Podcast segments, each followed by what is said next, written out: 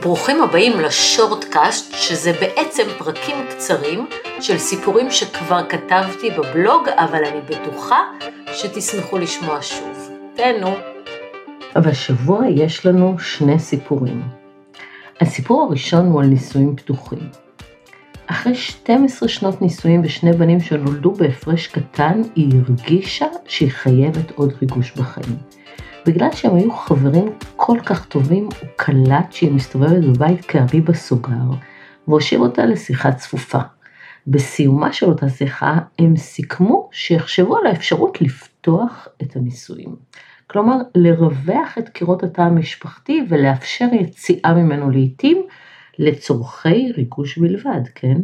בתוך ליבו הרעיון של נישואים פתוחים קרץ לו מאוד לגביו, והוא בדק עם עצמו איך הוא מרגיש עם זה לגבי אשתו.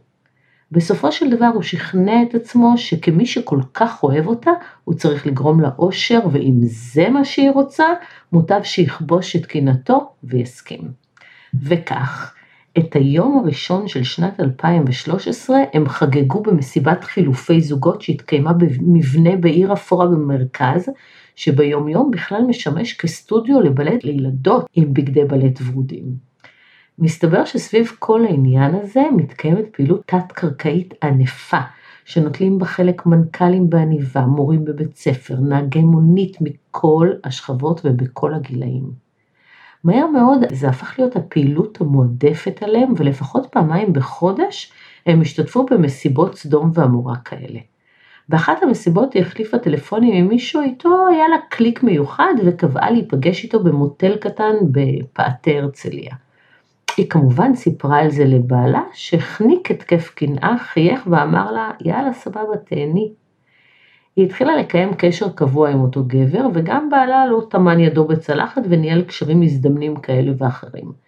מדי פעם הם הלכו יחד למסיבות חילופים האלה, אבל בתדירות נמוכה יותר. אבל מה? הם תמיד דיברו ושיתפו, והסוד הזה שלהם חיזק את הקשר ביניהם והפך אותו למיוחד ויקר יותר לשניהם. ככה הם התנהלו חמש שנים רצופות. בתחילת 2019 קרתה לה תאונת עבודה, הוא סיפר. היא התאהבה בגבר אחר. הוא הרגיש שהיא מתרחקת ממנו ולא משתפת אותו, ושלאט לאט הולכת ונעלמת החברה הכי טובה שלו. עם זה הוא לא השלים. החשש לאבד אותה הפך אותו לאובססיבי כלפיה, כמובן שהאובססיה שלו עשתה בדיוק את הפעולה ההפוכה והרחיקה אותה ממנו עוד יותר, ובסופו של דבר היא אמרה שהיא רוצה להתגרש. הוא לא הסכים לשמוע, הוא בכה, הוא התחנן, הוא היה מוכן לעשות הכל בשביל שהיא תישאר. אחרי כמה חודשים הוא הגיע אליי עם בקשה ליישוב סכסוך שהגישה. הוא אמר לי שהוא אכול רגשות אשם על זה שמלכתחילה הוא הסכים לנישואים פתוחים, והוא היה משוכנע שאם הוא לא היה מסכים הם היו נשארים ביחד.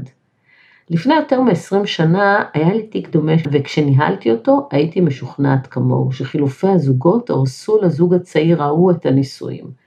כששמעתי את הסיפור שלו חשבתי אחרת. מי שלא טוב לו ומחפש ריגוש, בוגד או מתגרש, או בוגד ואז מתגרש. במקרה שלהם יכול מאוד להיות שהיכולת לכבוש את הקנאה ולתת חופש דווקא אפשרה את קיום הנישואים והחזיקה אותם במשך חמש שנים נוספות. אי אפשר להחזיק אותה בכוח, אמרתי והסתכלתי עליו, מבין, ובכל זאת כואב.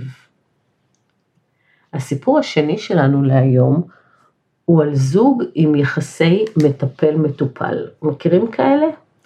אז ככה זה היה אצל שירה ושמוליק מהיום הראשון. גם עשרים השנים שחלפו מיום שנישאו ושלושת הילדים שהם הביאו לעולם, לא שינו את העובדה שהם התנהלו תחת יחסי מטפלת-מטופל. הוא היה מאז ומעולם המטופל. היא דאגה לכל צרכיו, לחולצות התכלת שתלויות בארון, לתרופות שלו, נוגדי דיכאון וויאגרות, אה, למקרה שטעיתם, להזמנת כרטיסי טיסה, לזה שהילדים לא יפריע לו שהוא חוזר טרוד מעבודה, לאוכל שהוא אוהב, וכמובן להיות אוזן קשבת גם למצוקות שלו וגם לרגעי הגדלות שבהם הוא עף על עצמו, והעניקה לו את מילות הערצה שהוא כל כך היה זקוק להם. כשהוא היה צריך לדאוג למשהו עסקי, היא נתנה הנחיות למזכירתו, וכשהיה צריך לתאם מפגש עם חברים, הוא שלח אותם אליה. כמובן שהוא פיתח בה תלות מוחלטת, והתגאה תמיד שאת השיר בלעדייך אני חצי בן אדם כתבו עליה. הוא היה עסוק תמיד בהגשמת חלומות. זה התחיל בחלום לרוץ את מרתון ניו יורק, נמשך בקורס יין בצרפת והסתיים בכלל ברישיון טיס אזרחי. כמובן שהיא תמיד חיכתה לו בצד, מאפשרת לו, מעודדת אותו ומתפעלת ממנו. בשלב כלשהי היא שמה לב שתדירות יחסי האישות ביניהם פחתה משמעותית. בחורה חכמה היא הייתה תמיד, ולכן היא התחילה לעקוב אחרי חבילות הוויאגרה שלו, שהלכו והצטמצמו. בשלב הזה ברור לכם שהוא בוגד, נכון? גם לה היה ברור, אבל היא לא יכלה לשאת את השלכות הגילוי ולכן הדחיקה אותו והתעלמה. שלושה חודשים אחרי זה נראה היה שהוא מעוניין לעדכן אותה בבגידתו ולא יודע איך. אז הוא יצא לרוץ בבוקר והשאיר את הטלפון ליד המיטה.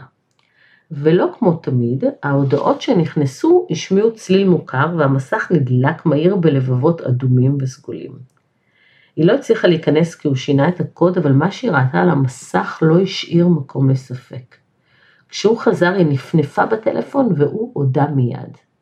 אפשר לאהוב שתיים, הוא אמר לה, והבינה שהוא מצפה שהיא תכיל אותו ותקבל בהבנה את פנטזיה החדשה שלו לאהוב שתי נשים. אף על פי שגם היא פיתחה בו תלות, ולמרות שהיא ידעה כבר והדחיקה, את הווידוי המלא והכנה שלו היא לא יכלה להכיל ולא הסכימה לשאת. אני צריכה להתחיל לראות אותי, היא אמרה לי. עשרים שנה אני רואה רק אותו, ואחרי שבוע הוא קיבל תביעת גירושים.